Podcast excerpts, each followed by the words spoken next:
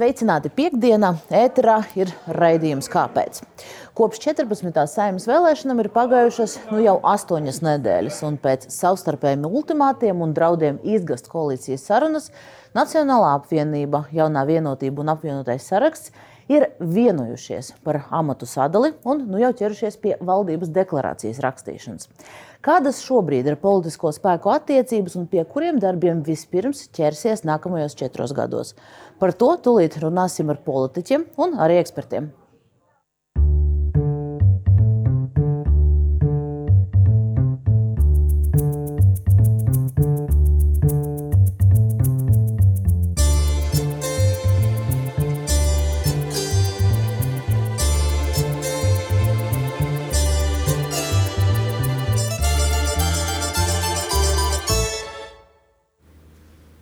Un šodienas raidījumu mēs esam sadalījuši divās daļās. Pirmajā mēs runāsim tikai ar trīs topošās koalīcijas partiju pārstāvjiem. Gan par veidošanas procesu, gan par dažiem arī topošās valdības deklarācijas aspektiem. Otrajā daļā mēs esam izcēluši diezgan svarīgu tautsēmniecības sadaļu, enerģētiku un arī klimatu. Tur mums pievienosies divi eksperti. Bet eh, šobrīd studijā ir trīs politiķi. Nacionālā apvienība pārstāv Jans Vitsenbergs. Sveiki! Sveiki! Eh, apvienoto sarakstu Māris Kučinskis. Labdien! Labdien! Un no jaunās vienotības ir Arvils Ašarādens. Sveiki! Labdien! Tad mēs sāksim ar koalīcijas sarunām.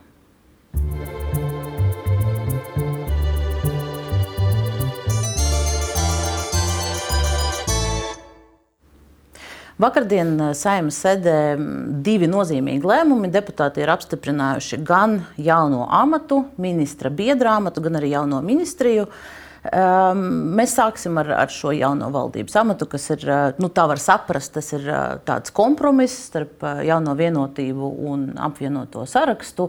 Veids, kā tātad kaut kādās smagās nozarēs to politisko atbildību sadalīt.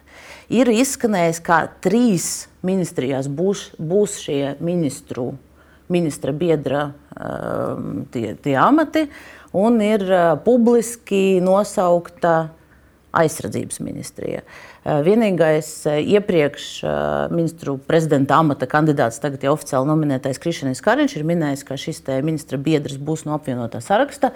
Vakar Latvijas televīzijas raidījumā šodienas jautājums viņš jau atkal teica, ka iespējams ministra biedrs un ministrs varētu būt no vienas partijas. Tad lūgums politiķiem precizēt, kā šīs jaunais amats izskatīsies un kā to savā starpā dalīs politiķi.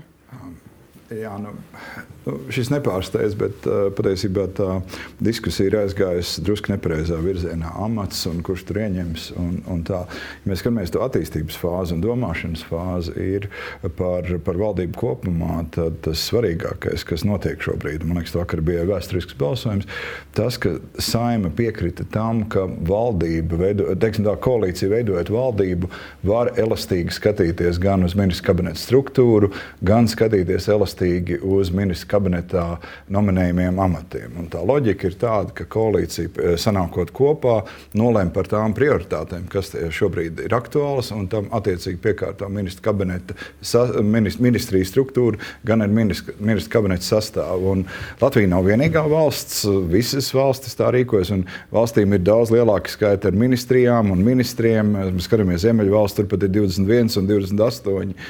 Britiem vispār visam traki ir gandrīz kopā 120 ministri ministri. Ja? Ir teikt, kabineta ministri 21 un tā tālāk. Bet tas, eh, mēs virzamies tajā virzienā. Tas otrs ir attiecībā uz to uh, ministru biedriem. Uh, tā sākotnēji tiešām bija valsts prezidenta iniciatīva. Un prezidents aicināja skatīties uz tā, kā viņš sauc to par otrās pakāpes politikām, ar, ar īpašu teiksim, nozīmi. Nu, viņš toreiz nosauca mediju telpu, zinātnē, un augstāku izglītību, liekas, bija drošības vai kādas citas lietas. Bet kādā ziņā skatīties no saturiskā aspekta. Mēs vienā brīdī nonācām drusku tā, ar tiem ministru. Um, ministra biedru amatiem drusku tādā valdības stiķēšanas posmā. Nu, tad tur liksim kādu, tad mēs teikam uz priekšu un tā tālāk. Uh, šobrīd mēs esam vienojušies neforsēt šo jautājumu, paliekot pie trīs ministra biedriem. Tā diskusija pašlaik ir atvērta, un viņi ir atvērti tādēļ, ka mēs šobrīd strādājam pie deklarācijas un mēģināsim saprast deklarācijā, kur no jautājumiem nav nosekti, un tad saturiski iesim uz priekšu. Ja? Tur nekas akmenī nav iekalts. Ak, likums paredz tikai vienu un vienu vienīgu lietu ka ir tādi ministra amata biedri paredzēti. Viņi nepasaka ne 3, ne 12, ne arī kuri tie būs, nekādos amatos viņi sēdēs. Bet no aizsardzības ministrija ir izskanējis no Krišņa Kariņa puses. Viņš... Tas, jā, lūdzu, varbūt paskaidrot. Ja es varu tikai pievienoties, ka šobrīd kaut kā tiks sajaukts, ka tur tās ir kaut kādas tur, par amatiem iet runas, ja tā varētu teikt, bet no visām prezidenta arī iniciatīvām pārunu pārunu gaitā, protams, kas sakrīt ar apvienotā sarakstā uzstādījumu, ka ļoti maz ir palikušas tādas lietas, ko var vienas ministrijas sastāvā tikai vienā ministrijā risināt. Pārsvarā tās ir divas, trīs, četras. Mēs jau esam vienojušies par komiteju atjaunošanu, kuras satiekas daudz ministri, bet uh, dažās vietās ir vajadzīga ļoti liela pārresoru arī darbība. Kā piemēram, mēs diskutējām par valsts ministru, bet tas šobrīd nav aktuāls. Bet ministra biedrs, ko varētu arī ieviest, vislabāk laikam ar tiem piemēriem arī skaidrot. Mēs jau pirms raidījuma pat pagavām arī runāt. Ja, piemēram, arī enerģētikas ministrijā ir vidas jautājums, būtu katrā ziņā, lai, lai videi būtu kāds, kāds nu, īpašs papildinājums. Šis ir tad, konkrēts piedāvājums, kas nē, tiek tas, tas mums šobrīd ir atvērta diskusija, un Kariņkungs jau pareizi arī pateica, ka tas var būt ļoti dažādos variantos. Tas, kas izskanēja par aizsardzības ministru un ap, apvienotā sarakstu, mums ir, un šodien vēl nostiprinājām deklarācijā, jāizveido visaptverošās valsts aizsardzības ietvaros krīzes vadības centrs, jā, civilā aizsardzība jāpārtais, un tur ir vajadzīga dažāda resoru iesaist pārsvarā tā ir iekšlieta un aizsardzība. Lai to visu varētu aptvērt, protams, ka ministrs nevar visu izdarīt. Vienkārši tam nav laika. Ierēdniecībai vienkārši nebūs tādas pilnvaras, lai varētu uh, strādāt ar citiem. Bet, ja, tā, ja ministrs kādā no šīm nozarēm uh, pieņem biedru, kas es pieņemu, jābūt pirmkārt labai sadarbībai, jo atbildīgs paliek ministrs. Otrs, otrs ka viņam jābūt ļoti zinošam tajā jautājumā. Tādā gadījumā viņš, viņam tiek dots konkrēts uzdevums ar visām. Ap, Tā kā viņa apstiprina premjerministrs, tad arī tās ir attiecīgi premjerministra pilnvaras, un viņš šo jautājumu risina ļoti daudzos ietvaros. Kurās nozarēs šobrīd mums tas ir tikai diskusija jautājums, jo tikpat labi arī ir digitalizācija. Tā nav vienkārši e-pārvalde. Tas ir ļoti specifisks jautājums. Kurā, kurā ministrijā varētu daudz. būt? Viņš šobrīd ir varam nostiprināts. Tas nozīmē, ka arī tur ir iespējams vajadzīgs eksperts. Tas pieminētais vidas jautājums, pieminētā infotelpa, tas ir tikai atvērts diskusijas, bet tas, kas notiek parlamentā, ir, ir vienkārši likumdošanā iestrādāt šādu iespēju. Vai tā tiks vēl izmantot, vai mēs līdz tam nonāksim, tas ir vēl jautājums, kas acīm redzot būs. Pēc jau valdības izveidošanas. Bet ir ļoti svarīgi. Ir es, es tikai, ir, Ašrana, kungs, es, es, es, sap, es saprotu, es tikai gribu nofiksēt, lai mēs, lai mēs esam pareizi, lai es, es, es un skatītāji ir pareizi sapratuši, tad šobrīd uh, Ir skaidrs, ka pie aizsardzības ministrijas būs šīs ministra biedras, kas atbildēs par civilās aizsardzības šo sistēmu. Uh, vides attīstība. Tā ir visaptveroša, aizsardzības yes, sistēma. Varam, varam ministrijā būs iespējams Nē, digitalizācijas. Tas ir par ko mēs esam vienojušies un kur mēs esam pamājuši galvu. Abas puses mēs esam piekrituši aizsardzības ministrijā, kad ir uh, īpaši šāds ministra biedrs, kas atbild par uh, Laikam jāsaka, par vispārējo valsts aizsardzību. Tas ir totālo laikam aizsardzību, kā viņš saucās. Vispārējo valsts aizsardzību. No jā. kuras Es saprotu, ka šodien ir kaut kāda diskusija par to bijusi. par to, E, Šodien mēs tam nepieskārāmies, un vēlreiz es lūdzu visu pēc kārtas. Tagad, šito, bet, bet es, es domāju, man no tām kopējām, kā tas process ir attīstījies, ir, ir es domāju, ka šis vēl ir atvērts jautājums. Pa- Pašlaik konceptuāli šāds instruments ir, tā teikt, ir saima virzās ar šādu, ne instrumentu, bet šādu iespēju uz priekšu, un uh, vēl tā diskusija pēc, pēc uh, uh, deklarācijas izveidas būs, kuri tad ir tie sektori, kuros tas ir nepieciešams. Un man liekas, ka mēs ļoti jēdzīgi, mēs sākumā gan izvirzījāmies tā, nu, s- sastaķēsim valdību, ok, ejam uz priekšu. Tad šobrīd es domāju, ka ir cerība, ka mēs tiksim līdz tam, ka mēs iesim saturiski, kur ir nenosakti laukumi un uh, vienosimies, kurus labāk nosakt un kādā veidā. Bet tā diskusija vēl nav notikusi. Ja jūs prasat, par ko mēs vienojamies, par šo mēs vienojamies. jā. Un no kuras partijas būs šis Ā, ministra tā Mēs biedrs? vienojamies, ka aizsardzības ministrijā būs uh, ministra biedrs no apvienotā saraksta. Tas Domāju. ir divi iemesli. Pirmkārt, arī mūsu uzstādījums arī kandidējot un ejot uz vēlēšanām, ir viens no galvenajiem tādām ziņām, ir drošības jautājumi. Iekļaušana valsts prioritātēs un šīs sistēmas sakārtošana. Tas nozīmē, aptverot iekšlietu un aizsardzības ministriju, var parādīties, kāpēc tieši mēs runājam par aizsardzības ministru. Tāpēc, ka pēc tā provizoriskā po- portfeļa sadalījuma, ja tā varētu teikt, iekšlietu ministrijā viņam nebūs problēmas šo jautājumu deleģējumu dabūt. Aizsardzības ministrijā tomēr ka labāk tas ir tā, tā kā pāri tam stāv, tāpēc vajadzētu aizsardzības ministrijā. Tas nu, vienkārši tāds tehnisks jautājums, lai efektīvāk varētu ieviest šo jauno pārvaldību. Nu, te ir jāsaka, ka jūsu abu šobrīd eh, teiktais ļoti krasi atšķirās no tā, ko intervijā žurnālam Irkrišanas Kariņš ir stāstījis pagājušā nedēļā. Un eh, te es varu nocitēt, var gan izlasīt, gan es, gan es izlasīšu priekšā. Eh, Šīs ir citāts par sarunām starp apvienoto sarakstu un jauno vienotību. Un Karņa kungs teica, divas nedēļas viņi, tiek domāts apvienotais saraksts, runājuši par nesaprotamām lietām - horizontāli, vertikāli, slīpi, diagonāli. Beidzot, svētdienas vakarā, tas ir pirms divām nedēļām, viņi teica, ka viņiem rūp tas, ka viņiem nav aizsardzības ministrija. Tagad jārunā ar Nacionālo apvienību. Viņi nav ar mieru samainīties, bet ar mieru piekāpties. Piekrist, ka nāk ministra biedrs no apvienotā saraksta. Apvienotais saraksts pieprasīs šādu biedru pie aizsardzības ministra.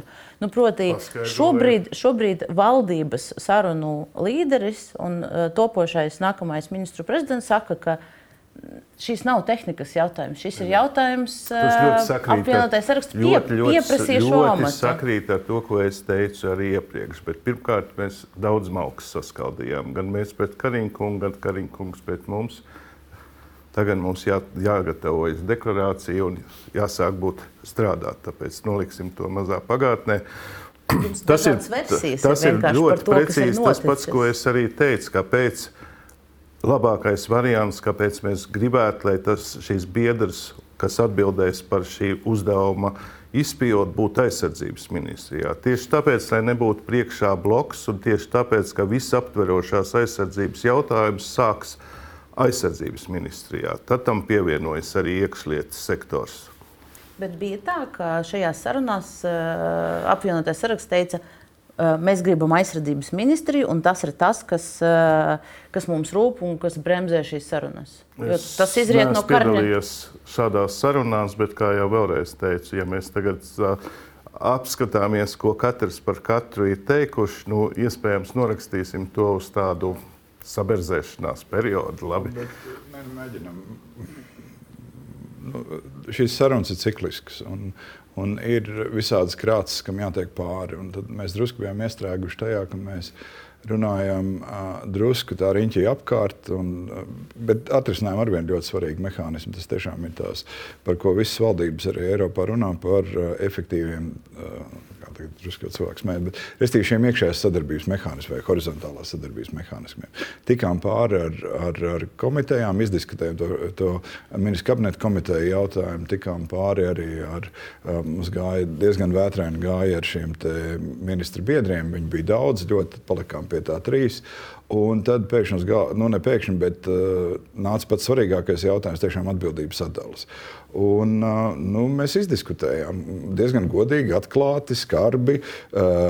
Bet tas, kas, protams, ir, bija varbūt premjeru nu, tā, nu, teiksim, neiepriecināja, maigi sakot, bija tas, ka tiešām bija tajā pirmdienā, kad bija jāiet pie prezidenta, mēs diezgan rūpīgi, un es to es atceros ļoti labi, sēdēju premjeram blakām, viņš pierakstīja, par ko tad mēs esam vienojušies. Un tad pēc tam pirmdienas vakarā televīzijā atskanēja, ka premjeras melo un tā tālāk. Un, nu, es domāju, tas, tas bija aizgāja, aizgāja tādās, varbūt aizgāja emocionālā tādā plaknē tas viss. Bet šobrīd es gribu teikt, ka tas Darbs ir aizgājis ļoti konstruktīvi. Tikko es nāku, un arī paralēli notiek šobrīd darbs pie uh, valdības deklarācijas. Mēs teiksim, aizsardzības, iekšējās, ārējās aizsardzības, drošības jautājumiem izgājām ļoti konstruktīvi un ļoti lietišķi cauri. Un, un, manuprāt, ir, ir, ja es, te, ja es raksturotu šo ciklu, mēs tiešām šobrīd notiek ļoti nopietns un atbildīgs darbs pie jaunās valdības. Uh, tā tad deklarācija patiesībā to, ko jaunā valdība darīs uh, lēmumu pieņemšanas. Tas strādā labi. Tā droši vien bija melnā pirmdiena, ja mēs tā varētu noteikt. Jo, jo tajās sarunās bija vienošanās, ka par tiem trīs vai kādiem tiem, ka tā varētu, varētu skatīties. Premjerministrs pateica vienu, mūsējie atkal nesaprata, kāpēc ir pretruna, bet nu, ar to arī Labi, ka tas ir beidzies. Nu, labi, šo, šo pretrunu mēs, mēs, mēs varam atstāt un, un virzīties uz priekšu. Es gan no sevis gribētu atzīmēt, ka nu, tas, kas man šķiet šobrīd ir būtiskais, ir ļoti ilgi visas, visi politiskie spēki runāja par to, ka nē, par amatiem mēs nerunājam, amatus mēs neapspriežam. Un te vienā brīdī premjerministrs kaut ko citu pastāstīja, kaut kādu nelielu ieskatu. Bet, nu, tagad jums ir skaidrojums. Jā, jā, bet ļoti svarīgi tā, lai ietu pie nonāktu pie deklarācijas. Šeit nostrādāja viens ļoti svarīgs mehānisms. Premjerministrs vada sarunas un vada valdības sastādīšanas to darba grafiku vai kārtību, procesu viņš nosaka. Un, uh, ir tā viena no loģikām, kas saka, ka pirms mēs ejam sastādīt deklarāciju par atsevišķām sadaļām, ir vajadzīgi partijām jāuzņemās atbildība par savu sadaļu. Kādēļ tas ir nepieciešams? Tādēļ, ka kādam ir jābūt vadošiem, kas saka, nu, mēs redzam to, šo lietu šādi. Jā, jā, jā. Un tā, tā mēs izgājām cauri. Tas bija ļoti svarīgi tajā svētdienā. Tikām pāri, un tas ir noregulēts. Ja? Labi, šobrīd esam iegājuši tādā normālā darba gultnē. Pirms mēs ejam tālāk, īsi jautājums no tām šo, šodienas sarunām, kur uh, aizsardzības uh, joma, iekšlietu joma tiek apspriesta. Ir kaut kas konkrēts, uh, nofiksēts, ko jūs varat jau izstāstīt, ka okay, mēs vienojamies par to un to? Vai vēl nē? Ar palīdzi es tur paskatīšos. Es domāju, ka tur arī ir faktiski arī jau punkts pielikts gan ar augošiem procentiem atbalstam aizsardzībai, gan iekšlietu, es negribētu teikt, sistēmai, tāpēc ka tā ietver arī prokuratūru, tā ietver, ietver, ietver arī cietumu uzraudzību un vēl vesels, ves, vesels sadaļas, bet kā arī tur. Tā tiek nozīmēta par prioritāti, un tad ir šie konkrētie uzdevumi, kur viens iekšlietu sadaļā ir viennozīmīgi tas, par ko es runāju - krīzes vadības centri, civilās aizsardzības sistēmas pārveidošana, noliksot viņu daudz savādākā statusā. Tie būs ļoti grūti uzdevumi, kur uh, ir jāaptver gan aizsardzības, gan iekšlietu, gan arī, gribētu teikt, citas. Šo sadaļu mēs esam uh, faktiski pabeiguši. Tur nekāda domstarpība vairāk nav palicis pats starp. Es mēģinātu īsumā teikt, ir. Uh, uh, nu, tādā valsts aizsardzībā ir, ir skaidri redzama nu, tāda dzelžaina kontinuitāte. Tā turpināt darīt to, kas ir darīts līdz šim, bet te ir skaidrs lietas. Ir Nacionāla bruņoto spēku attīstība, tātad NBS personāla sastāva attīstība, visa veida sadarbība ar NATO un precīzi regulējumu, kas un kā šeit atradīsies. Un, Tad ir jauna Nacionālās drošības valsts aizsardzības koncepcija, zemesardzes modernizācija, bruņojuma materiālu tehnisko līdzekļu nodrošinājums, visaptveroša valsts aizsardzības sistēma, par ko mēs runājām, jaunatnes patriotiskā audzināšana, valsts kiberdrošība un nacionālās kiberaizsardzības spējas, tāpat arī nacionālās aizsardzības industrijas attīstība. Tie ir tie desmit punkti, ko es pašlaik varu pateikt jums, un, un par tiem ir vienošanās. Tur bija ļoti kā ļoti, tiešām tās diskusijas bija ļoti harmoniskas un iekšējā drošība, Kučīnska kungs jau pat pieteica. Iesaistot Nacionālo apvienību, kurai tā ministrija tad, tad būs arī uzticēta un atgriežoties mazliet pie, pie šī ministra biedra amata. Vitsenberga kungam jautājums, nu, vai jums ir skaidrs, ka Nacionālajai apvienībai, kurš tad uh, varētu no apvienotā saraksta būt šīs ministra biedrs? Vai šīs vispār ir bijis apspriests kaut kādā līmenī, jebkādā? Nē, tāda saruna nav bijusi. Arī nu, jāatgriežas arī pie tās diskusijas, jo kolēģi e, diskutēja par to. Prieks, ka ir tāda harmonija valdāma starp e, abiem politiskiem spēkiem. Un, e, tas, tas, es domāju, ka ir ļoti, ļoti svarīgi. Ja, jo vienā brīdī arī teikšu tā, ka e, tā saruna e, bija iegājusi tādā gultnē, nu, ja tā var ironizēt, kad, kas tad e, bija pirmais, vista vai ola. Tā arī par tām deklarāciju vai, vai amatiem tā, tā uz riņķi mēs kādu laiku gājām. Ir, ir, es teiktu, ka no pagājušās nedēļas otras puses un brīvdienām ir pamainījusies tā saruna dinamika, ja, nāca uh, partiju pārstāvi kopā brīvdienās un strādāja pie šī deklarācijas, es teiktu, melnraksta, ja, kur tad, uh, tas aiziet jau tā, teiktu, tādā otrajā iterācijā, un uh, šodien un rīt nāksim kopā, lai, lai, lai, lai pieslīpētu tās lietas. Bet, Pie nu, mēs, atgriežoties, jā, atgriežoties par, tad, par biedriem, nu, tā nav bijusi. Mūsu ideja par to ir runājis prezidents. Bet, nu, nu, nosaucot, puses, nosaucot, okay, es, es, varbūt, es varbūt uh, specifiskāk prasīšu.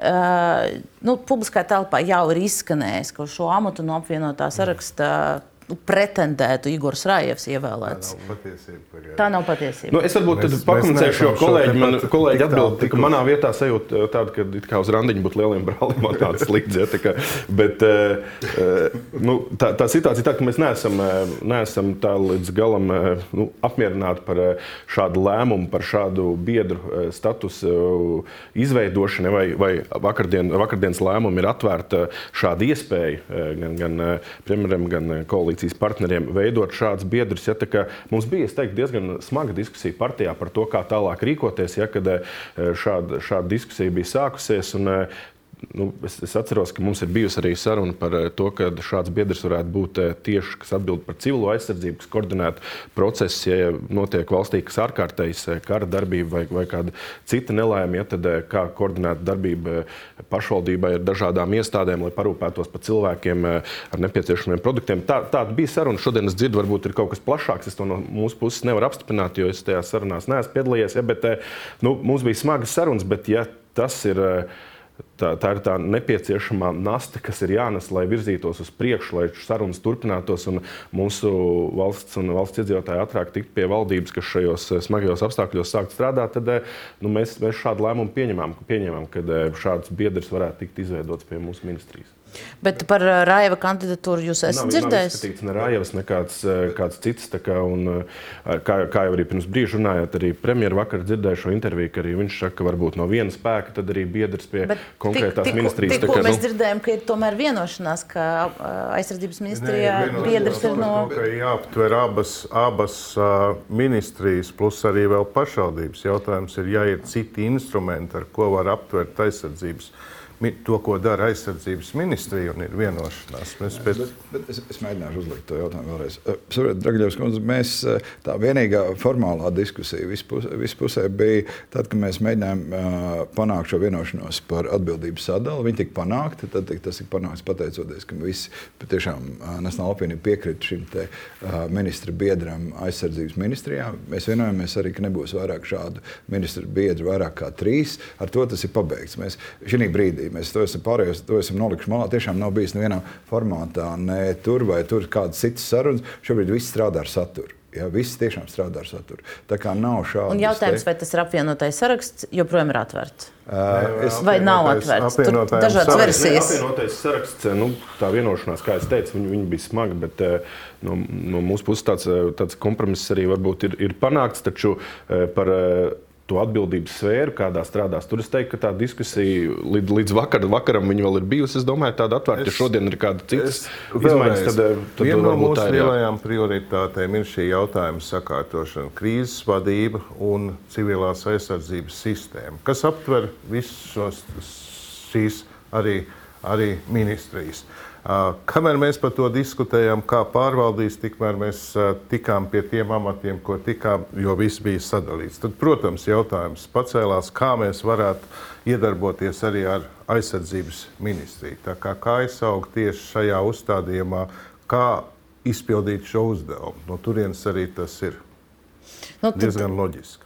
Mēs gaidīsim kaut kādu skaidrāku, droši vien, vienošanos bet, bet, pēc laika, bet, bet es gribētu par Raiva kungu turpināt tik un tā, jo tas ir viens no skaļākajiem skandāliem šonadēļ un tiešām ir nozīmīgs jautājums. Tā tad ievēlēts no apvienotā saraksta deputāts, bijis apsūdzēts pusotra tūkstoša eiro izkrāpšanu no aizsardzības ministrijas. Un raidījumā sprieda ar Delfi apvienotā saraksta līderis Uldis Pilēns lūk, šādi ir komentējis šo notikumu. Es neesmu jurists, pieksim, bet, ja es saprotu, ka ja mierizlīgums ir mierizlīgums, tad manā izpratnē, kā es to saprotu no uzņēmēja darbības, mierizlīgums ir mierizlīgums. Tas nozīmē, ka kungs tiks virzīts amatiem. Jūsuprāt, tas arī neietekmē to reputāciju? Es domāju, vēlreiz mēs par amatiem vispār neesam runājuši šobrīd nevienā ministrijā, pilnīgi nevienā ministrijā. Mēs redzam Rajau kunga profesionalitāti Eh, aizsardzības jautājumos, un mēs pilnīgi noteikti šo profesionālitāti gribam likt lietā. Nu, te jautājums Kučinska kungam, vai uh, jūs piekritat uh, Pilēna kungam, ka neskatoties uz šo apsūdzību izkrāpšanā, Raiva kungs ir, var tikt virzīt kaut kādiem amatiem? Viņa profesionalitāte ir pirmais, kas mums ir nācis kā arī pienesums, un mēs viņu pilnīgi noteikti izmantojam un arī izmantosim viņa zināšanas. Tā skaitā arī man jau iepriekš minēto uzdevumu, gan izpildē, gan visu, kur būs viņa atrašanās vieta, vai viņš būs uh, uh, saimā, vai viņš būs parlamentārais, vai kaut kur par to nav bijušas mums nekādas arī diskusijas, kas attiecas uz to, par ko bija šis te raidījums, tad dramatizētā izkrāpšana. izkrāpšana tur viņš ir arī savu gan atzinis, gan, gan nodzēsis, un tas ir bijis pirms vairākiem gadiem. Bet, protams, mēs ļoti labi apzināmies, un uh, ministra amatam uh, Rajau kungu gungs visticamāk viņam būs grūti to Bet zemākā amatā ministra biedrs, parlamentārais sekretārs, jūs pieļaujat? Es, es domāju, ka viņa pienesumu mums ir pilnīgi nepieciešams pat arī izmantot. Un viņš ir ievēlēts kā deputāts. Kā, vai viņš atradīsies vienā vai otrā vietā, es par to īsti nezinu. Bet es katrā ziņā viņu, ja man būtu jāstrādā, es viņu gribētu piesaistīt vienkārši viņa fantastisko zināšanu pēc šajā jomā. Protams, neliekot atbildēt par nozari, jo, prot, jo nevien, ne viņš, ne kāds cits jau arī nenoliedz to, ka, ka ir bijuši pārkāpumi kādreiz pagātnē. Bet, Kučinska kungs, jūs zinājāt, ka viņam ir uh, bijusi šī apsūdzība, un atkal mums jāatgādina, ka lieta ir izbeigta uz nereabilitējoša pamata. Tas pēc būtības nozīmē, ka prokuratūra neatsakās no pozīcijas, ka viņš ir izkrāpis šos līdzekļus, bet no nu, ok, pretenzijas vairs neceļam, jo naudu esi atmaksājis. Tas ir tas. Uh, tas nu, mērķis šim, šai izbeigšanai? Mēs ļoti labi zinām. Mēs zinām jūs jūs zinājāt, pirms iekļāvāt sarakstā? Noņemt pielaidu, un mēs zinām arī šo, šo nu, tajā brīdī mēs to, protams, arī var, varējām nezināt. Bet katrā ziņā pēc rajaukuma paša arī stāsta par šo jautājumu, kas ir bijis kādreiz, kāds, nu, es nezinu, cik lielā mērā tas ir bijis. Detaļas, protams, mēs neesam prasījuši. Bet pirms iekļaut viņu sarakstā, jūs, jūs zinājāt? Mums bija vajadzīgas viņa zināšanas, un arī viņš gribēja savu zināšanas likt lietā. Tāda bija mūsu, mūsu uh, vienošanās, un tāda viņa pastāv arī šobrīd joprojām. Un reputācijas problēmas sarakstam jūs neredzat?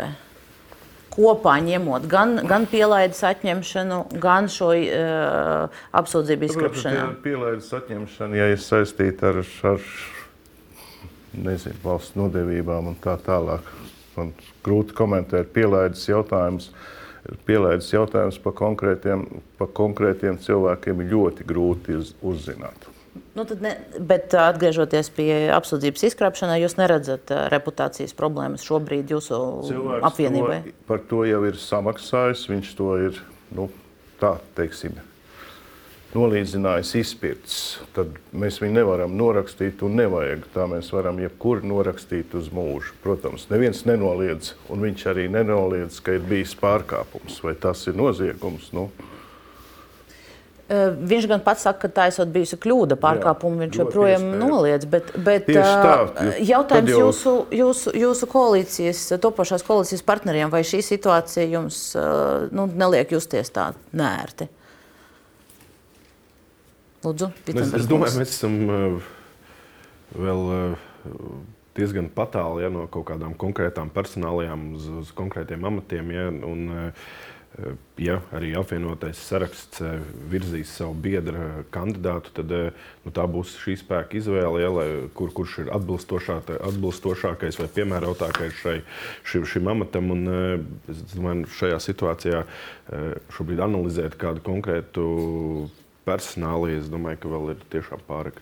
Jebkuram tomēr ir tiesības kādreiz arī, nu, kurš ir kļūdījies, es nedomāju, ka tāpēc cilvēkam ir jābūt norakstītam no pilnīgi visu. Nu, bet jo publiski viņš par to nav runājis pirms nāca klāja šī informācija. Viņš atradās arī vietā, kurā publiski runāt par šādām lietām tiek sodīti krimināla procesa, krimināla lietas ietveros, tāpēc šīs lietas arī tajā brīdī, kad tika izbeigta, viņš nu, varēja stāstīt. Viņa ir tagad tāda šāda atklāta. Skaidrs, ka Raivs kungs ir ievēlēts, viņam ir, ir, ir, ir mandāts, ko ir apstiprinājusi saima. Tad mēdīji ir izdarījuši savu gājienu, šobrīd pietiekami plaši par to ir runājuši, diskutējuši. Savukārt tas nākamais gājiens ir tiešām ir apvienotām sarakstam, kāds būs viņa lēmums, kur viņu virzīt. Nu, ir, nu, mēs skaidri redzam, ka tā ir, ir problēma, protams. Un, un, nu, nu, drošība ir īpaša nu, sfēra, kurā nu, tā uzticamība ir ļoti svarīga. Nu, nu, pašlaik tas, tas viens ieraksts, tajā, laikam, tas ir prokuratūras nolēmums, vai kurš nu, nav īpaši labs. Ja, tiesas lēmums, jā. tas tiesas lēmums, vai ne? Kā, nu, viņš ir priekš militāra personas, man liekas, ka tā ir īpaši sarežģīta situācija. Nu, politikā nu, nu, tur mēs esam, kur mēs esam. Skatīsimies, kāds būs apvienotā saraksta lēmums par tālāku virzību, bet nu, nekas labs tas nav. Jā. Bet šobrīd apvienotais saraksts uh, neizslēdz uh, Raiva kunga virzīšanu kaut kādiem amatos. Nesauc, bet kaut kādiem. Neizslēgt, ne neizslēgt. Kā bet... jau mēs neesam par to vispār arī runājuši. Tā bija vienkārši mana mana atbilde uz jūsu jautājumu, par, kur es teicu par Ajaukungu profesionalitāti, ko mēs noteikti gribētu izmantot. Viņš var pienesumu dot ne jau mums, bet valstī. Jautājums. Es, man, es, es, man neprasiet no manis reaģēt uz gājienu, kurš nav noticis. Nu, Jā, nu, būt, tas, ir, tā, tas būtu kā būtu, ja būtu. Tā mēs varam ļoti daudz ko apspriest, tam tērēt laiku. Nu, es jau izteicu savu viedokli, ka tas tā nav. Nu, šī sfēra šī nav laba situācija attiecībā, šim, attiecībā uz šo politiķu. Ja. Nu, var tad nolasīt, ka vismaz no jaunās vienotības būs kaut kāda zināmā pretestība, tad vai nepatika, ja, ja, ja šī, nu, šī virzība. Brīdī mēs uzdosim ļoti daudz jautājumus. Ja. Okay, tad tad uh, ar, šīs, šīs aspekts es domāju, ka ir izrunāts. Un, uh, pirms mēs ejam uh, pie, pie konkrētām iespējamās topošās valdības deklarācijas konkrētiem aspektiem, vēl, vēl viens tāds politisks jautājums no manas puses. Tajā asākajā brīdī šajās koalīcijas sarunās bija savstarpēji pārmetumi. Uh, tad netieši starp apvienotu sarakstu un jauno vienotību par līderiem. Un Karņa kungs ir izteicies, ka lūk, viņš turpmāk negrib vest šīs sarunas ar Pilēnu kungu. Jautājums, kas notiek tagad, vai, vai divi, divi kungi savstarpēji pie viena galda sēž, un kas notiks, kad tiks izveidota valdība, kāda būs Pilēna kunga loma? Tādi divi jautājumi no manas puses. Pirmais ir šodien mums bija sarunas par, par šo koalīcijas deklarāciju. Pīlāna kungs arī piedalījās tur un diskutēja pie galda. Tā, tā būtu īsa atbilde par šo lietu. Par nākamo nu, mums ļoti nopietni ir jāskatās, kā tālāk tas būs. Jo, jo protams, tā ir šo, tā drusku ir komplicēta situācija, kāda viņa ir šobrīd. Mēs redzam, ka Pīlāna kungs nav ievēlēts. Ne? Viņš nav saņēmis ne saimnes mandātu, ne arī viņš netiek virzīts, cik mēs zinām, netiek virzīts valdības darbā. Un tad viņam būtu jāsaņem ar, teiksim, ne vēlētāju mandāts, ne saimnes. Viņam būtu jāsaņem viens vai otrs, vai, vai vēlētāju, vai, vai saimnes mandāts. Nu, uz šādu viņš netiek virzīts. Nu, nu, valdības darbā, teiksim, koalīcijas sanāksmēs piedalās tikai vai nu ministri vai deputāti. Nu, nu, tā ir viena tāda skaidrlieta. Tā es gribētu teikt, tā situācija pirms un pēc. Par, uh, katrā ziņā šobrīd, kamēr partijas savā starpā strādā un veido uh, valdības deklarāciju, valdības sastāvu, Pielānkungs aktīvi piedalās.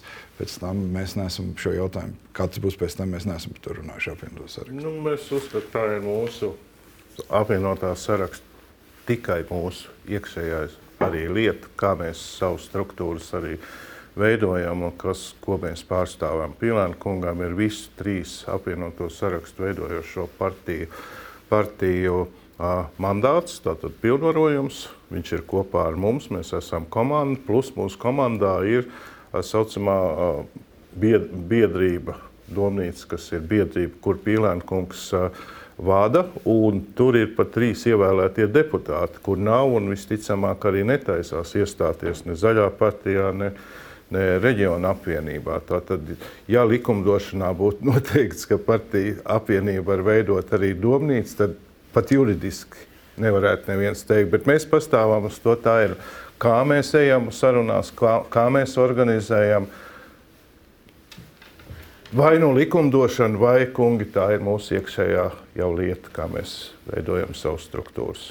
Eh, Latvijas avīzē šonadēļ bija ļoti interesants eh, kolēģis Inārs Eglis raksts par, par, ehm, nu, par, par koalīcijas veidošanu sarunām un tieši par apvienoto sarakstu. Un tur tika minēts, ka brīdī, kad eh, nedēļā, kad Pilēna kungs bija izbraucis ārpus valsts, valdības veidošanai iestājas pauze. Uh, jo apvienotā saraksta vadība izvairījās pieņemt lēmumus bez, bez pilēna ziņas. Jautājums, vai šis turpināsies arī tad, kad jau tiks salikta valdība, vai, vai apvienotā saraksta ministrija nu, pieņems lēmumus konsultēties ar, ar līderi?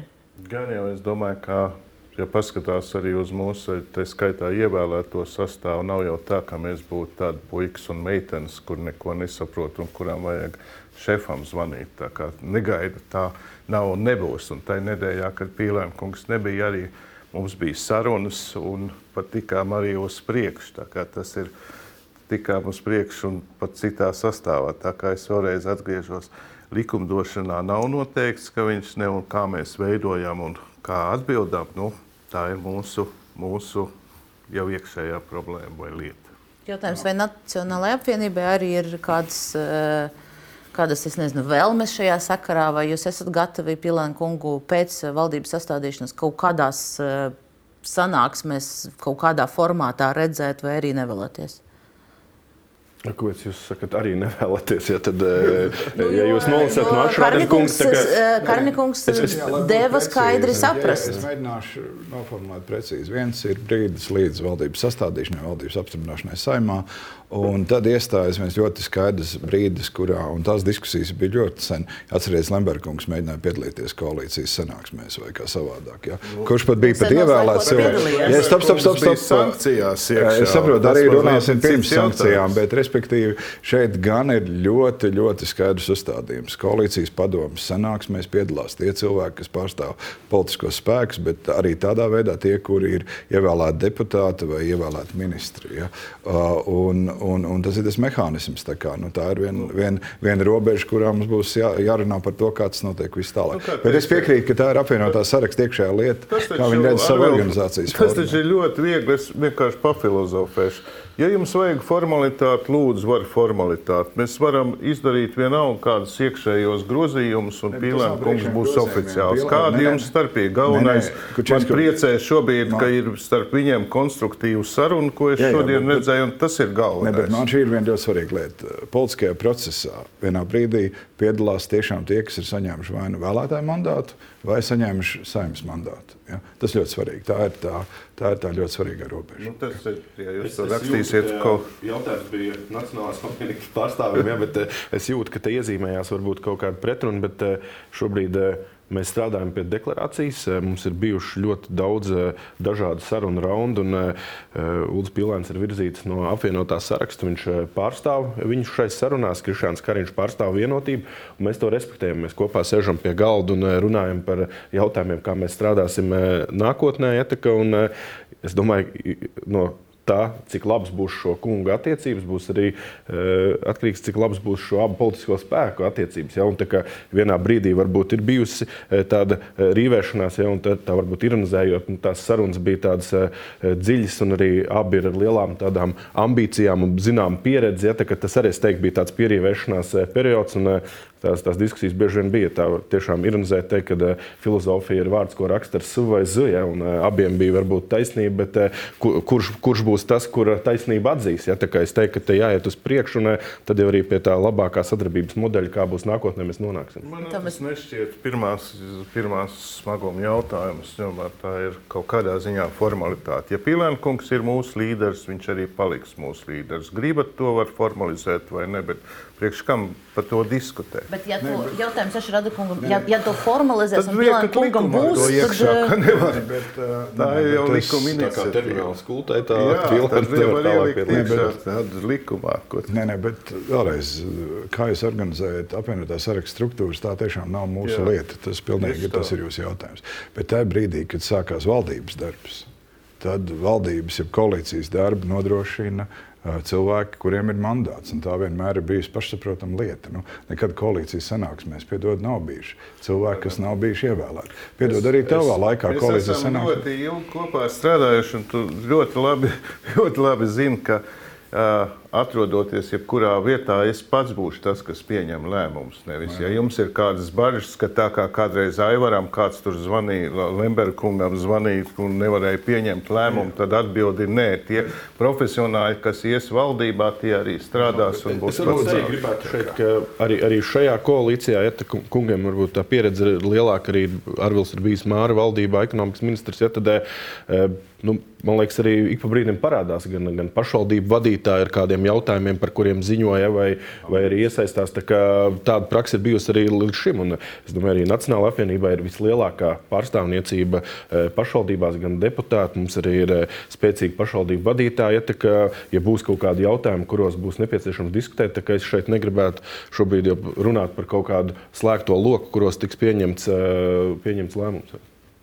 Nu, sliktais lokus, jebkurā gadījumā eksistē, un mēs zinām, ka pirmdienās, kā lai mēs nesaucam to sapulci, tie, kas politiķi kopā un pieņem lēmumus pirms, piekam, pirms uh, ministru kabineta sēdes. Jautājums, vai, vai ja gadījumā Pilēna kungam būs uh, oficiāls amats kādā no partijām vai, vai vēl kaut kādā citā formā, tad, uh, tad vai tad viņš tur tiks ielaists? Nu, pagaidiet, mēs strādājam šobrīd pie koalīcijas, koalīcijas līguma, bet es reizi jau varu pateikt, ja ja kaut kādā ziņā ir kaut pretenzijas pret to, tad ir jāmaina likumdošana, kur tas jāpasaka. Šobrīd likumdošana nav. Es vēlreiz saku, viņš ir mūsu šobrīd atzītais līderis, viss ar to rēķinās. Un, protams, ka mēs esam kopā un neslēpjamies.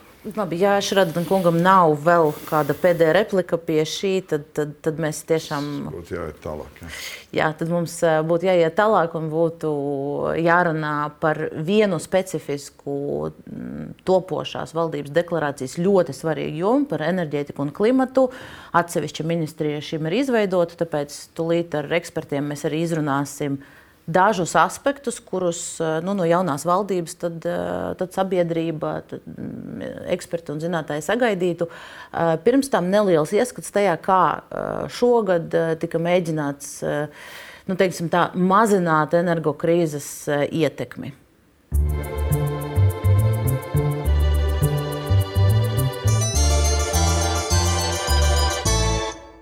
Krievijas iebrukums Ukrainā 24. februārī pasteidzinājis Latvijas plānus stiprināt savu enerģētisko neatkarību.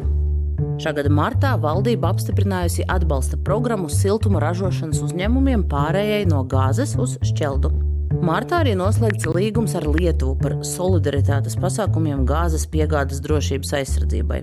Līdzīgs līgums ar Igauniju noslēgts jau janvārī. Kopš aprīļa privātmā īpašniekiem pieejams atbalsts saules paneļu vai nelielu vēja ģeneratoru uzstādīšanai. Aprīlī pieņemts arī valdības lēmums par atteikšanos no Krievijas gāzes. konceptuāli atbalstīta sašķidrinātas dabasgāzes termināla izveide Latvijā. Mājā ekonomikas ministrija sāka tirgus izpēti par sašķidrinātas dabasgāzes termināla vajadzību. Jūlijā Sājuma atbalstīja valdības lēmumu atteikties no Krievijas gāzes iegādes no 1. janvāra. Jūlijā arī reģistrēts Latvijas energo un Latvijas valsts meži kopu uzņēmums vēja parku attīstīšanai. Augustā valdība un saima apstiprina apjomīgus atbalsta pasākumus maisaimniecībām un uzņēmumiem, lai vismaz daļēji kompensētu energoresursu cenu kāpumu. Septembrī saima pieņem likumu, ar kuru skultas terminālim noteikts nacionālo interešu objekta status. Pēc šī lēmuma palielinājās interese no investoriem. Šobrīd potenciāli ieguldītāji esot seši. Plānots, ka termināls un ar to saistītas būves ir jānodot eksploatācija līdz 24. gada septembrim. Un mums studijā šobrīd ir pievienojušies divi eksperti. Latvijas elektroenerģētiķu un energobūvnieku asociācijas izpildu direktors Gunārs Valdmanis. Sveiki! Labdien! Un dabas aizsardzības organizācija iniciatīvas Zaļais barometrs koordinātore Baiba Vitievska Baltvika. Sveiki! Labdien! Pirmais jautājums Valdmaņa kungam. Tātad mēs sākam ar enerģētiku šobrīd. Vai jūs varat nosaukt virzienus, nu, kādi tad ir tie nākamo četru gadu lielie darbi, kurus jūs sagaidat izlasīt deklarācijā valdības, kad tā drīzumā būs gatava, cerams? Tātad, nu, pirmkārt, enerģētikas drošības veicināšana, ko valdība, jā, protams, ļoti pamatot ir šobrīd iekļāvusi arī savā deklarācijā. Otkārt, arī esošās uh, energokrīzes satricinājumu, stabilizēšanu, kam es arī pilnīgi piekrītu. Um, treškārt, eh, treškārt šis jautājums, kuru savukārt es uzskatu, ka kuram vajadzētu būt ar lielāku uzsvaru, bet kurš, manuprāt, neparādās pietiekami. Pietiekami skaidri, tas būtu energoefektivitātes veicināšana tieši patērētāju pusē. Un šajā gadījumā es gribētu uzsvērt, ka varbūt, manuprāt, tieši te, um, pašpatērētāju vietā uh, tieši augstākai prioritātei vajadzētu būt mājokļu atjaunināšanai, tātad zaudējumu samazināšanai dzīvojamā sektorā, tieši siltumenerģijai, kas ir viens no principā, nu, būtiskākajiem šiem patēriņa avotiem. Tas būtu trešais. Un ceturtā prioritāte īstenībā, ja ieklausāmies uzņēmējdarbības pārstāvju vidū, tad atjaunojamās enerģijas attīstība šobrīd jā, tā ir pieminēta, bet Man gribētos, protams, tādu lielāku uzsvaru uz to sāpīgāko problēmu, kas ir. Tas ir viens no tiem, ir tirgus regulējums, kas nenodrošina principā, pienācīgu stabilitāti šādām investīcijām. Tomēr joprojām šobrīd investīcijas kļuvušas pamatotas šajā nozarē tieši pateicoties lielā mērā krīzei. Un otrs, tas būtiskais apsvērums ir administratīvā nedrošība, jā, varētu teikt, nepietiekami pārliecinošie Eh, stabilitāte.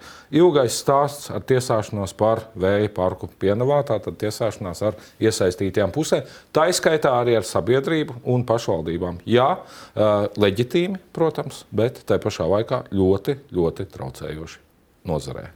Uh Daudz, daudz, tie ir daudzi, daudzus aspektus jūs pieminējāt. Nu, diez vai mēs visus varēsim apspriest, bet, ja mēs pieņemsim, pieķersimies energoefektivitātiem mājokļos, tad uh, Nu, gadu no gada visas valdības, visas eh, jaunas, jaunas sasaukuma pašvaldības runā par to, ka šī ir prioritāte, bet nu, tie, tie radītāji nav ļoti labi, tīpaši Latvijā.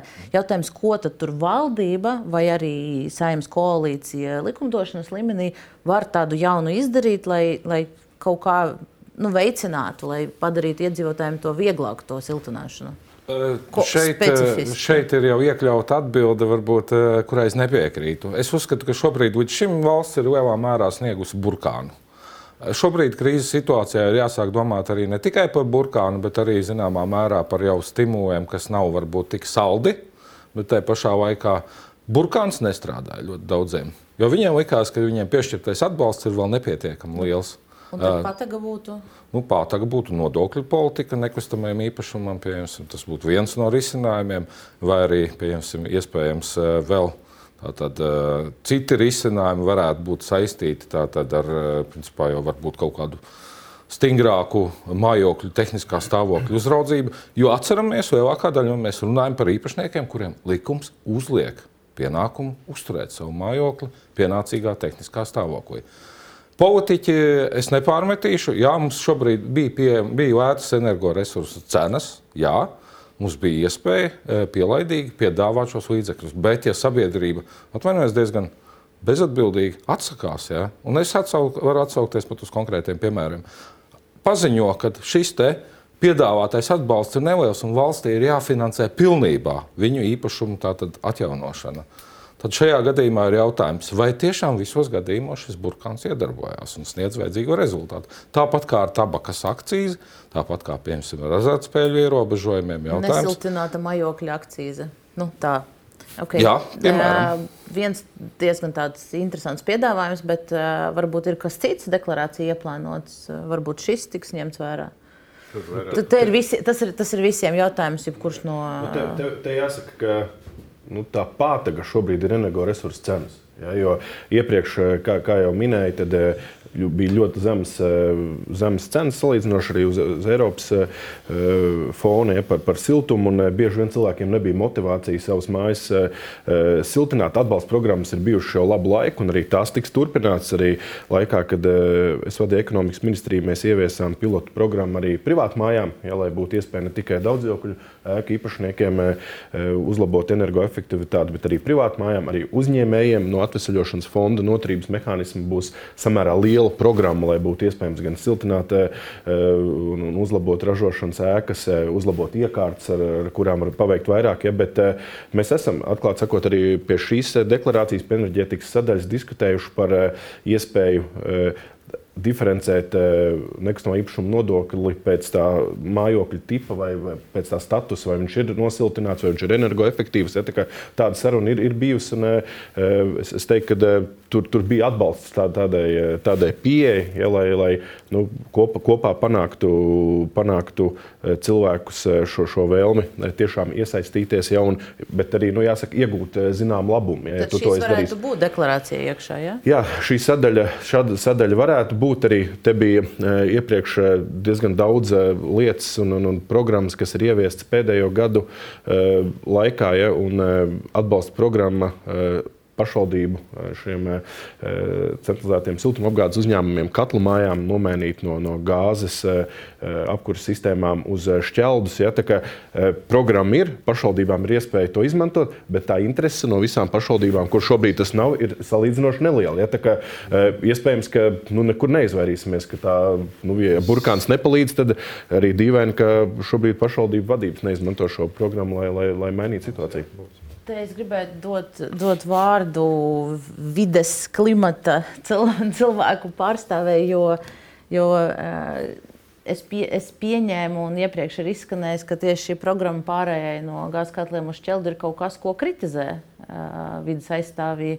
Vai jūs sagaidat, ka deklarācijā tad, turpmāk valdības šajos plānos eh, būs kaut kādi vēl alternatīvie citi scenāriji?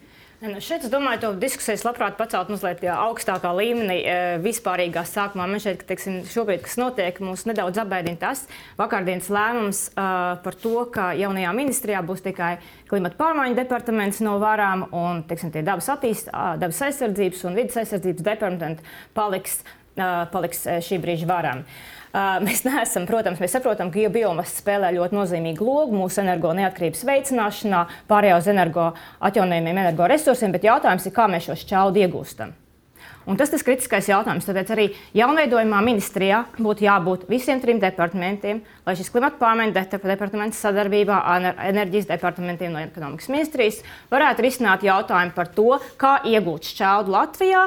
Eh, kādus instrumentus piedot tā šķelda, kas jau diezgan daudz, ļoti daudz saražot un kas ļoti aiziet eksportam, kā to noturēt tirgā, tirgu, kā mēs teiksim, sasniegt šo mērķi, ne uz dabas, uh, dabas aizsardzības rēķina, ne uz trešā, ne uz Eiropas, Eiropas Savienības zaļā kurša, trešā pilāra rēķina. Un tas ir ļoti būtisks jautājums. Tas jāatrisina ļoti primāri, ļoti konceptuāli un ļoti skaidri jānosaka, kā mēs to darīsim. Un šis politiskais ietvars, ko, es, ko man sākumā šķiet, kas ir tas ļoti labs, iespēja lokus pavēries, lai beidzot būtu ministrija, kas virzītu Eiropas Savienības zaļo kursu jēgpilni un visaptveroši. Zaļais kurs tā ir klimata neutralitāte, tā ir aprits ekonomika un tā ir dabas daudzveidības saglabāšana. Tie ir visi pragmatiski mērķi, kas mums jāsasniedz, lai mēs izvairītos no vidas kaitējuma ietekmi uz cilvēkiem.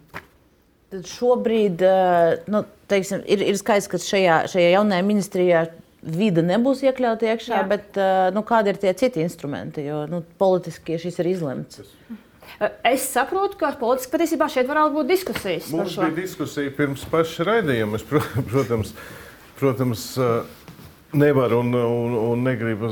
Nu, mums ir tas zaļās partijas lēmums, bet man bija diezgan liels pārsteigums, jo, jo zaļā partija pretojās sākotnējām uzstādījumam, ka tur būs viss, ka tiek tāda superministrija taisīta, ka viss no varām, no ekonomikas, ekonomika vispār tur pustukši paliek ar uzdevumiem varamā. Tad tā, bet uh, mēs jau iestājāmies pret uh, vides sadaļas atdalīšanu no varām tikai tāpēc, ka mums bija bažas, kā normāli apēdīs to vidi, apēdīs jaunā enerģētika, kur gluži dabiski, ņemot vērā, ka šobrīd visi apzinās, uh, ir šī situācija, krīze, enerģētika iet pa priekšu, visam mums ir jāatrisina, ka vide paliks pakārtotā lomā.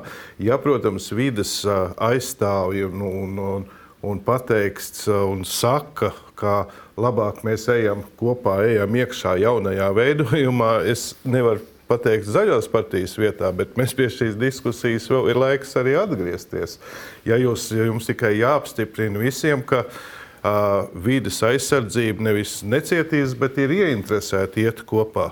Jo man līdzinājās arī bija tāds uzskats, kur celtnieki ceļ, tur, tur vidi, tā kā viņi vislabāk redzētu aizējam kaut kur tālāk, trešajā plānā. Jā, bet, bet ja jūs paši tā gribat, es vienkārši varu teikt, ka mēs vismaz par to esam gatavi diskutēt. Ne, nu, šis, šis bija sākotnējs uzstādījums, kā mēs to redzējām. Tad jāatzīstās, kolēģi iestājas diezgan stingri pret šo. Nu, mums neliekas, ka tas ir pats labākais risinājums. Uh, ja mums ir vēl telpa diskusijai, esmu ļoti priecīgs.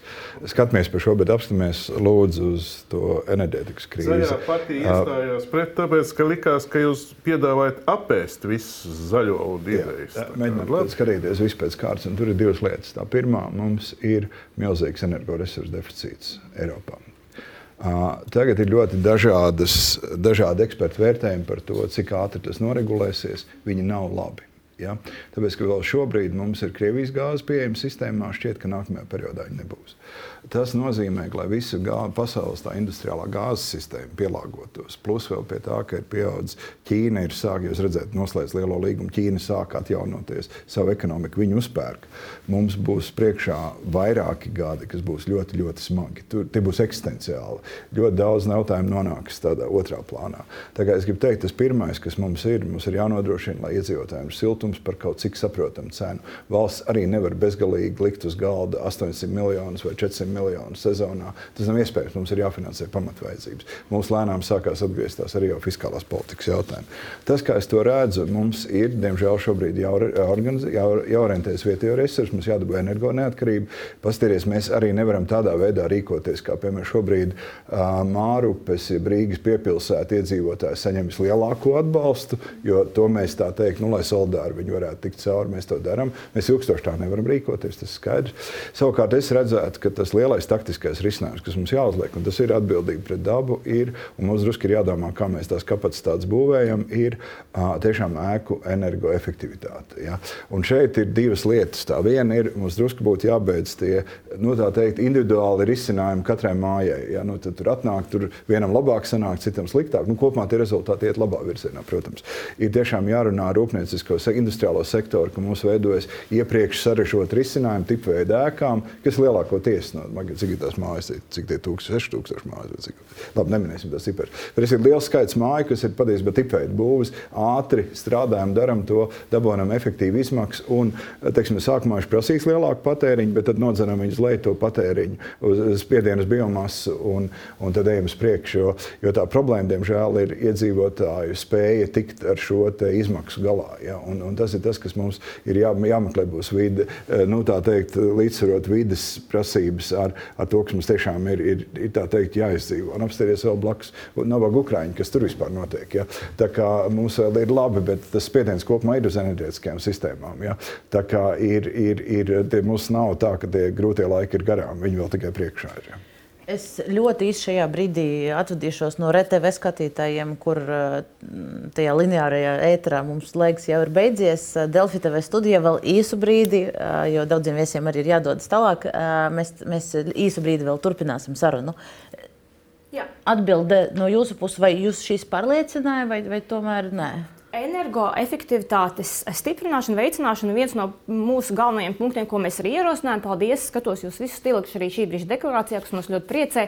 Skatīsimies, kas paliek pēc tam, tajā, protams, tā kā gala versijā. E, vai jūs plānojuši, apsvēruši kādus instrumentus, ko darīt ar šķeldes eksportu? Proti, kā to, kas, e, to šķeldu, kas aiziet lielākā daļa uz eksportu, kā to novirzīt vietējiem tirgumam? Vai tur varētu ieslēgt kādus mehānismus Eiropas līmenī? Jo, piemēram, tas, kā Latvija ietekmē energo krīze, ir krietni savādāk kā, piemēram, citas valsts Rietumē Eiropā ietekmē.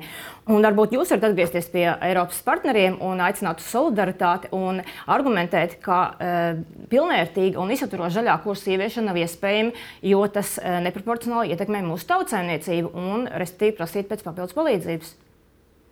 Ah. Nu, ļoti uzmanīgi ir šo ir, ir Eiropas vienotais tirgus, un mēs ļoti daudz iegūstam no šī vienotā tirgus. Izstāties no viņa mums nerekomendētu nekādā veidā. Droši vien, ka mēs, ja tur ir pārmērības, mēs varam diskutēt. Es piekrītu par šo, jo esmu runājis arī daudziem šķeldes ražotājiem. Un, un, un, Tur gan ir šādi mazāk, ir vairāk ir granulas, kuras tiek vilktas ārā. Bet katrā ziņā padomā, par to mēs varam domāt, bet, bet, bet tā, ka tur būtu kādas iespējas kaut ko atbalstīt, ir grūti. Mēs to jautājumu skatījāmies. Tur vienīgais, ko mēs nu, mēģinājām nodrošināt, kad ir um, Latvijas valsts mēži veidoja šīs te, uh, šķeldas uzkrājumi. Es, es, es, es atļaušos drusku precizēt varbūt no. Uh, no neeksperta un nespeciālista puses, lai arī skatītājiem saprotams, tad runa ir par šķeldes eksporta kaut kādu aizliegumu. Tas ir tas, ko jūs prasat, lai, nu, lai, lai, lai šīs materiāls paliek, lai mūsu koks nepaliek valstī. Tā, tas ir tas, vai. Nu, vai... Tas, es, es pareizi to nolasīju, un, un mēs jau vienā brīdī jutām, kad ir traki, riktīgi, nu, kad cenas iet augšā kādēļ. Bet aizliegt ir, pārdot mēs nevaram. Nu, aizliegt mēs pārdot nevaram. Nu, ir ļoti interesants process, kur virkni pašvaldības sākuši iegūt to šķeldu pašas. Tāds cena ir uh, trīsreiz zemāka nekā tirgus cena. Un visādi, un tas arī kaut kādā lielā mērā drusku stabilizē to visu. Tagad cilvēks saka, ko jūs te darat. Ja? Un... Bet, bet, bet es ļoti uzmanīgi teiktu, mēs šitam jautājumam esam gājuši. Nu, tās preces, ko mēs gribam, tās mēs nelaižam ārā, bet tos, ko mēs negribam, nu, tur Eiropas tirgus tā nestrādā. Jā. Ieteikšu vienu instrumentu, kā, kā var aizturēt šādu arī Latvijā. Ne, nu, pirmkārt, tas ir Latvijas valsts meža, kas ir simtprocentīgs valsts īpašums, un ir ļoti pareiza šī virzība, ka viņi aiziet arī, lai uzkrājumus veidot. Nu, faktiski strādā strādā priekš enerģētikas tieši iedzīvotājiem pašvaldībām. Bet daudz šie šķeldu taisītāji un granuļu taisītāji, viņi jau kur iepērk savus materiālus, no kā viņi taisa. Viņi iepērk no Latvijas valsts mežiem ne jau no savām teritorijām. Nu, Zemkopības ministrija, kur, tas ir diezgan, diezgan, diezgan viegli izmantot šo valsts instrumentu un uzlikt uh, iespēju, lai viņi vietējām tirgumam. Ir maz ticams, ka mēs varēsim ierobežot uh, brīvā, brīvā tirgu Eiropas Savienības telpā, bet tas, ka ir dažādi risinājumi, kā efektivizēt šo situāciju, ir un mūsu visi interesēs ir uh, vismaz dabūt šī produkta cenu uz leju, lai, lai iedzīvotāji tiešām saņemtu to lētāk. Un otrs, ir, protams, ir samazināt patēriņu, veicot energoefektivitāti. Vai jums ir komentārs, Valdemārs par šo? Ka, ka pilnīgi noteikti nav pieļaujams eh, šī brīvā tirgus ierobežošana. Un šeit es mazu sānu piebildīju, tas attiecās mums arī uz elektroenerģijas tirgu. Šeit mums ir ļoti pirms vēlēšanām bijušas daudz uh, diskusijas, bet uh, runājot par šķeldus tirgu, tirgu, es domāju, ir tādi instrumenti kā ilgtermiņa līgumi, ir tādi kā krājuma veidošana arī šajās pašvaldībās. Es domāju, ka šobrīd tiešām uh, sadarbojoties pašvaldībām, kā pircējiem, jā, kā būtiskajam atslēgas eh, pircējiem, patērētājiem tātad, un valdībai eh, arī faktiski to eh, veidot. Katrā ziņā risinājumi šobrīd noteikti ir. Spēja arī valdībai nolemt ja, un ļoti ātri pieņemt lēmumu. Nu, mums ir apstiprinājusies, tomēr, ka valdība to var. Ja ir ļoti liela nepieciešamība. Es pieņemu, ka šobrīd varētu būt tas mirklis, kad atkal gatavojoties jau nākamajai sezonai, paņemot mazliet laiku pārdomām, diskusijām, tad arī virzīties. Es nevaru pie vidas pārstāvjiem nevar noliekt to, ka ir valstis, kas patur rezervē savus biomasas krājumus un priecīgi iepērk uh, Baltijā, īpaši Latvijā šos biomasas krājumus. Tā, kā, tā tas ir. Jā. Tur droši vien mums jāskatās, ir vairāk saudzējoša politika attiecībā pret mūsu biomasas krājumiem, jo reizē tur ir tā otra puse. Viņi jau ir um, tā, CO2 emisiju absorbenti. Tas mums nākotnē mums jāskatās ekonomikas, tā teikt, abas abas puses. Un es domāju, tās valstis, kas tā atturīgi uz to skatās, viņi saprot, ka nākotnē tas būs ļoti svarīgs dienas kārtības jautājums. Ja, kamēr mēs priecīgi palielinām zāģēšanas apjomu, viņi priecīgi saka, labi, ir ok, mēs pirksim to, ko jūs sazāģēsiet. Ja. Jā, te jau kolēģi minēja, tad ir citi instrumenti. Man pilnīgi nebija prātā uzreiz tādu radikālu soli ierobežot, ierobežot vai aicināt ierobežot uh, vienoto tirgu. Tad uh, aicinājums vienkārši diskutēt un ļoti nopietni apsvērt citus risinājumus, kas, uh, protams, ir pieejami un ko var domāt, uh, ko, kurus var apsvērt.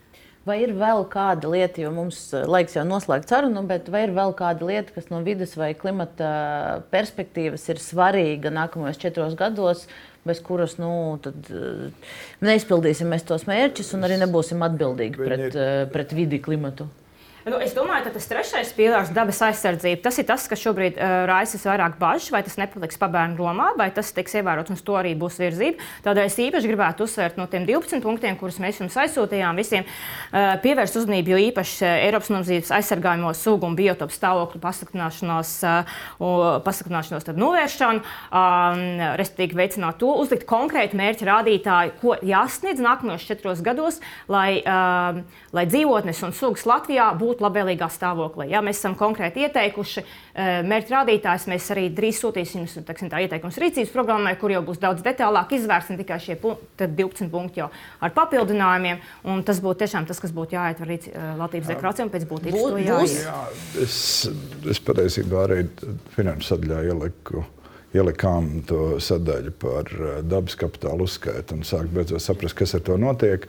Um, bet tur ir viena cita daļa, kas ir nenormāli grūti un sarežģīti. Respektīvi, sākt pieņemt sabiedrībā, ka tās klimata pārmaiņas ir nopietni, kad ir ļoti nopietni politiski uzstādījumi, tie emisiju samazinājumi ļoti radikāli. Tas attiecas visiem sektoriem. Tā ir enerģētika, transports, lauksaimniecība, vispārējais. Jo šobrīd ir tāda, jā, jā, jā, jā ir, ir, ir, ir, ir, ir, un tur nekas nav. Un, restīvi, kas ir tā lielā problēma priekš mums? Ir, ir kamēr citas ekonomikas, Dāņi, Zviedri, Somi, viņi reāli tā ir viņa ekonomiskās izaugsmes pamats. Mums tās ir vaiprātīgas izmaksas uz tehnoloģijām. Ja? Un, un tā ir tā, kā panākt to lielo paradigmu, kā to izmainīt. Tas ir lielais jautājums. Nu, te, te ir, par paradigmu ir jautājums, vai, vai koalīcijas eh, partijas, topošās koalīcijas partijas mēģinās arī savās rindās panākt es... vienprātību.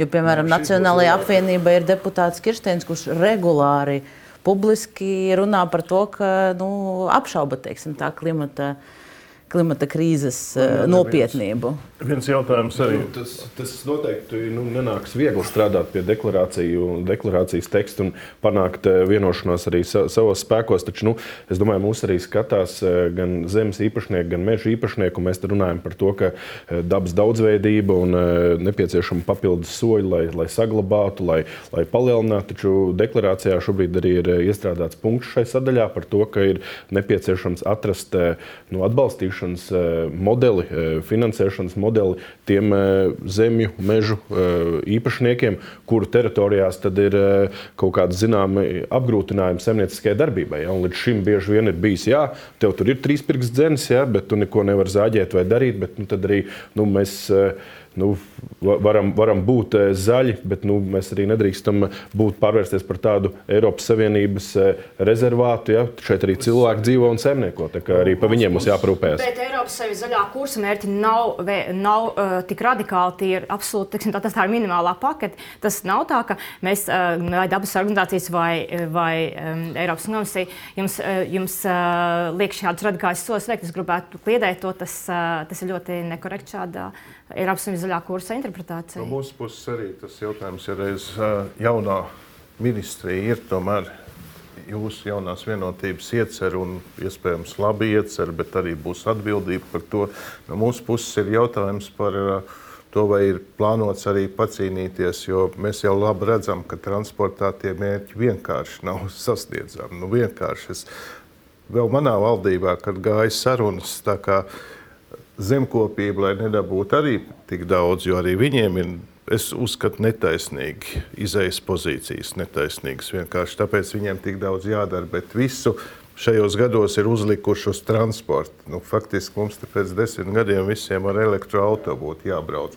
Nu, tie mērķi vienā otrā pozīcijā nav vienkārši sasniedzami. Tad es ļoti ceru, ka būs arī diskusijas par to, ka mēs tā nevienmēr. No, ši, no. Nē, tā taisnība. Tas tikai reflektē to, kas ir bijis līdz šim domāšana. Visi kaut kur visi grūž ārā, lauksniecība, ne, mēs tur nedomāsim. Uh, tad ir, uh, tur ir vide, ne vide ir bijusi, domājis. Tad ir, bet, nu, sakot, enerģētika arī, nu, jā, jā, bet, bet domāju, lai citi, lai citi domā, kam lielākas galvas. Nu, šobrīd tā ir tiešām līdzsvarota politika visās jomās un jādomā, ko darīt. Piedod, arī transportā ļoti labi skatījos, esmu Alandas salu projektu, kurā viņi pārdo jau, man liekas, līdz 30 gadam domā, viņi pār pāriet uz vēja parkiem, kur ražo enerģiju. Enerģija tiek uzkrāta ūdeņradī, un visa uh, publiskā transporta sistēma pāriet uz ūdeņraža uh, dzinējiem, ja, kas nu, ir ļoti sākam... būtiski. Nē, mēs ejam detaļās, bet, ir, bet tie ir ļoti lieli struktūrāli lēmumi, kuri, par kuriem ir jāvienojas. Katrā ziņā acīm redzami vēl es, ir jādiskutē. Tas, tikai viena lieta mums jāteiek pāri, ka šis ir neizbēgami un metam mieru tam, ka tas, ne, ne, ne, tas ir tur kaut kur citur, uz mums tas neatiecās, un tad sākam par to domāt. Risinājumi ir ļoti daudz. Labi, uz šī tad arī, uz, uz šī tad arī paliekam.